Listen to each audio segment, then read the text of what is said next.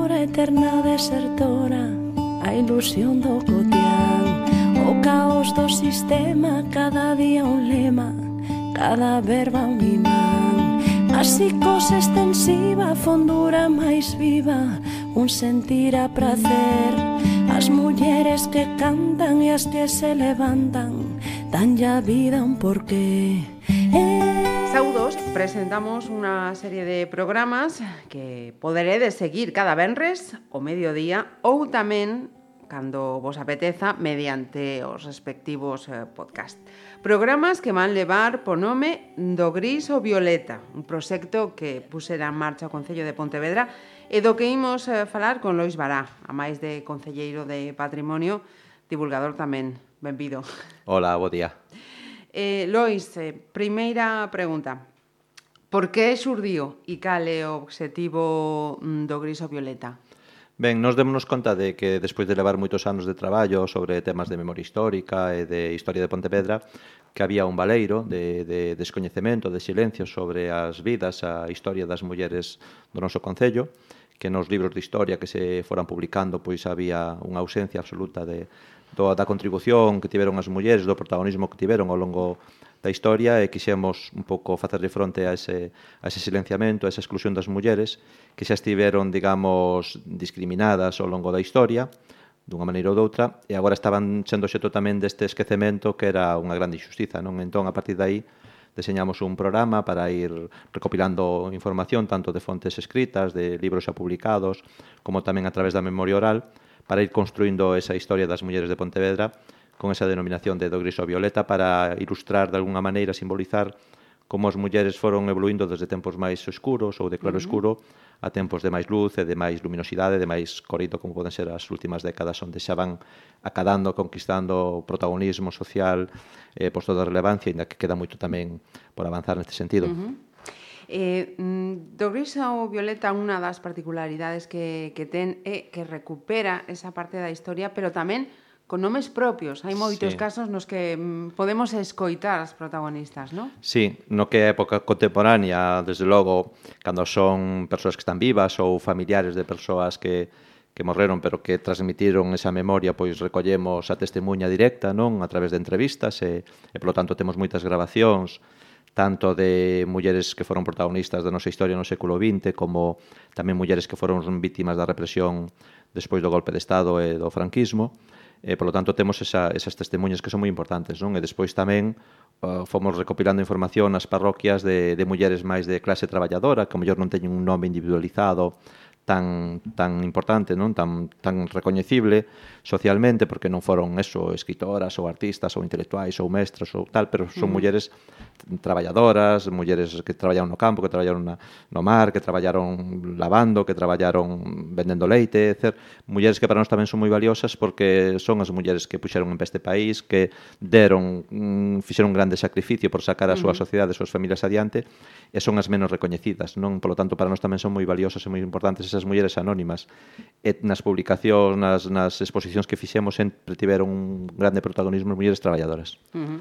Estamos falando máis dunha sociedade matriarcal, eminentemente. Sí, sí, no, no, na etapa, bueno, ao longo de toda a historia, pero na etapa contemporánea, uh -huh. en algúns momentos da historia, sobre todo tamén como consecuencia da emigración, ou mesmo despois do 36 pola represión que sufriron máis directamente os homes, as mulleres decimos que levaron sobre os seus ombreiros o peso da vida, o peso das súas familias, uh -huh. traballaban sen dereitos e sen horarios, en xornadas intermináveis, no traballo da casa, no traballo do campo, vindo á cidade a traer tamén mercadorías, traballando nas fábricas, coidando da familia, é un traballo inxente que nunca se recoñeceu suficientemente que nos agora queremos facer este tributo de xustiza, non que ben merecida é. Uh -huh. Por iso tiña moito simbolismo que a exposición do Griso estivese na Praza da Ferraría, esa praza que cruzaba moitas destas mulleres que agora volvían -huh. digamos, a entrar nesta praza, pero por unha porta grande, non pola porta grande da historia con todo o recoñecemento que merecen. Uh -huh.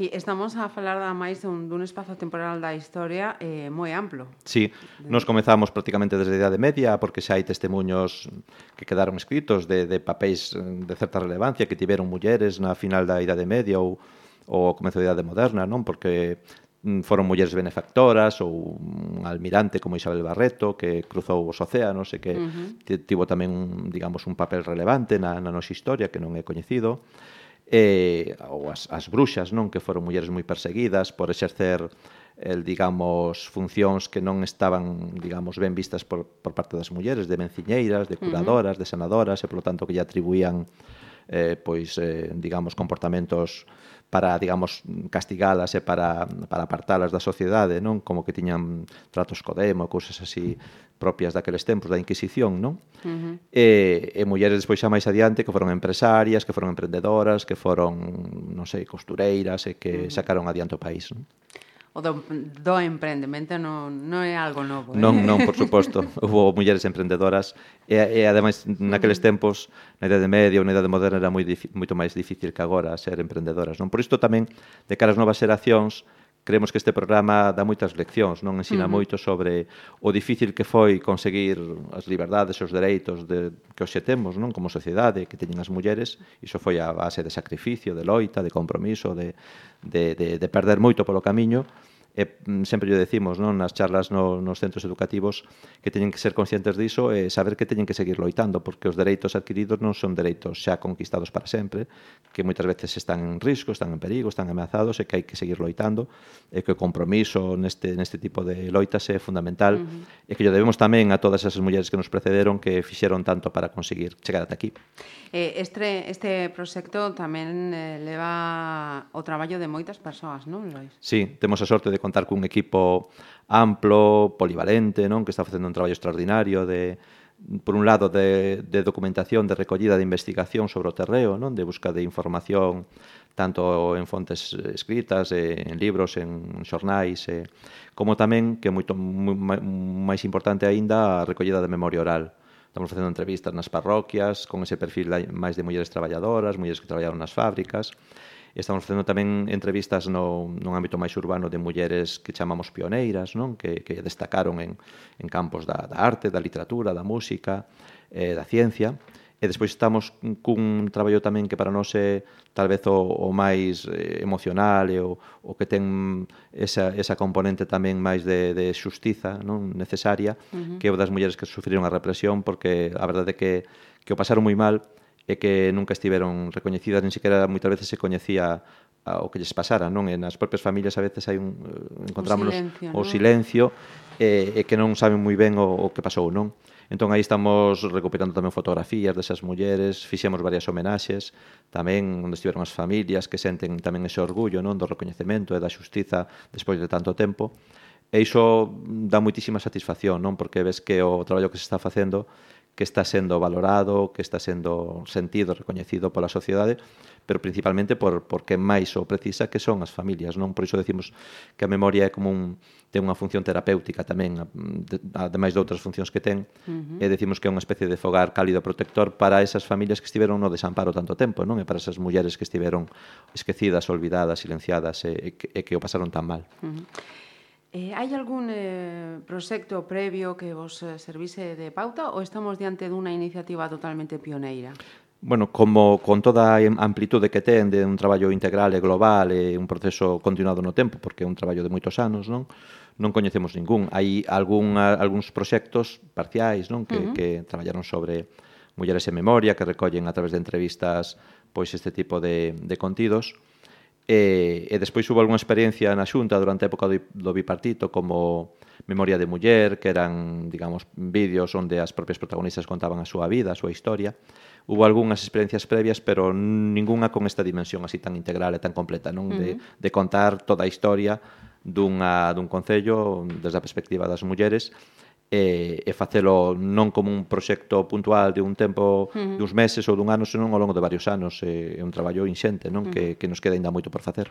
Claro, e que non sexa eh, únicamente algo, eh, digamos que... Mm, que non se move, non? Por exemplo, eh, sí. eh, por exemplo, eh, temos diante tamén ese libro. Lembrabas sí. antes a exposición. exposición eh, falabas de homenaxes, pero uh, o proxecto tamén leva eh, unha aplicación eh, práctica. Sí. Os nomes da rúa, sí. creo que tamén levades a iniciativa aos colexos. Sí, sí. Claro, para nós é fundamental non crear un arquivo, non uh -huh. ter un arquivo que é importante contar con documentos, contar con grabacións, con fotografías, pero iso é importante que o socialicemos, que o saquemos á rúa, que o deamos a coñecer, que o transmitamos ás novas xeracións a través do mundo do ensino, non?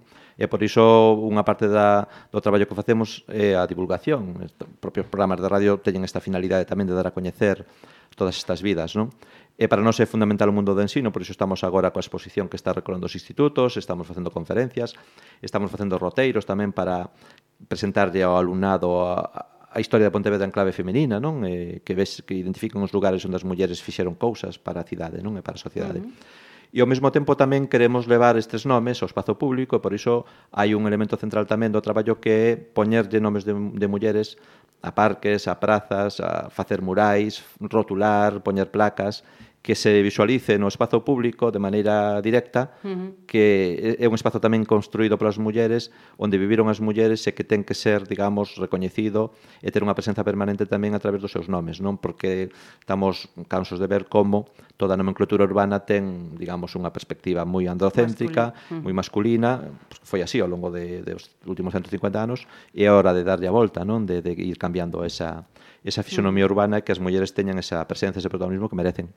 Eh, por onde vai ir aínda o traballo? Cales son as leñas que quedan sí. por seguir? Bueno, seguiremos co traballo de de investigación e de recollida de documentación que nos queda moito aínda por facer, eh, queda moita satisfacción, porque estamos cada día descubrindo cousas novas, uh -huh. e eh, ao mesmo tempo tamén traballaremos neste, nesta perspectiva de, de ir enchendo a cidade de nomes e de, de imaxes e de, de elementos femininos, non? E, e ao mesmo tempo temos como un grande obxectivo, aparte da exposición e das publicacións que iremos facendo, das homenaxes, un crear unha web onde concentremos todo este material, de, de fotografías, de entrevistas, de documentos, de, de biografías, eh, para digamos, ofrecerlle á sociedade, sobre todo para o mundo do ensino, que teñan aí recursos sobre os que traballar, sobre os que seguir investigando, eh, seguindo, digamos, a través deses fíos, tirar deses fíos para ir recopilando, coñecendo máis toda esta mm. historia que estamos recuperando. Este de hoxe podemos decir que é unha especie de, de programa piloto, presentación, sí. non, Lois? Pero mm, gustaríame eh, avanzar ás persoas que nos estén a escoitar que mm, penso, polo que levamos eh, falado e eh, previsto, que van ser programas donde a emotividade está a flor de sí. pel inevitablemente. Sí, porque son, son historias moi duras, mm, contadas polas propios protagonistas ou polas súas familias, e polo tanto estamos falando de, de sacrificio, de loita, de a veces tamén de, de dor, non, de terror que viviron estas persoas, estas mulleres, non, no caso da represión pero ao mesmo tempo hai tamén moitas historias de solidariedade, de amizade, uh -huh. de amor, de tenrura, non? E de, de como eses pequenos detalles da, da vivencia da, da, dos feitos e de como se iron adiante as mulleres a veces tecendo esas redes de, de axuda mutua, de solidariedade eh, que, que son historias moi emotivas e que chegan ao corazón e que nos fan a veces estremecer, non? Por lo tanto, mm. tamén por esa componente emocional que teñen, pois merece moita pena. Pois eh, para a vindeira semana o primeiro deses eh, programas eh, xa coas súas protagonistas eh, escollendo pois eh, mulleres pioneiras, mulleres traballadoras, mulleres represaliadas e agardamos eh, seguro, seguro eh, son de, de total interese e dos que imos aprender moitas, moitas cosas de Pontevedra, da súa historia e das mulleres que, que formaron parte da historia de, de Pontevedra e que están a formar parte da historia de Pontevedra. Sí, cada vez con máis protagonismo, claro. Gracias, Lois. Gracias a vos. Eh, eh, eh, grande, pequena.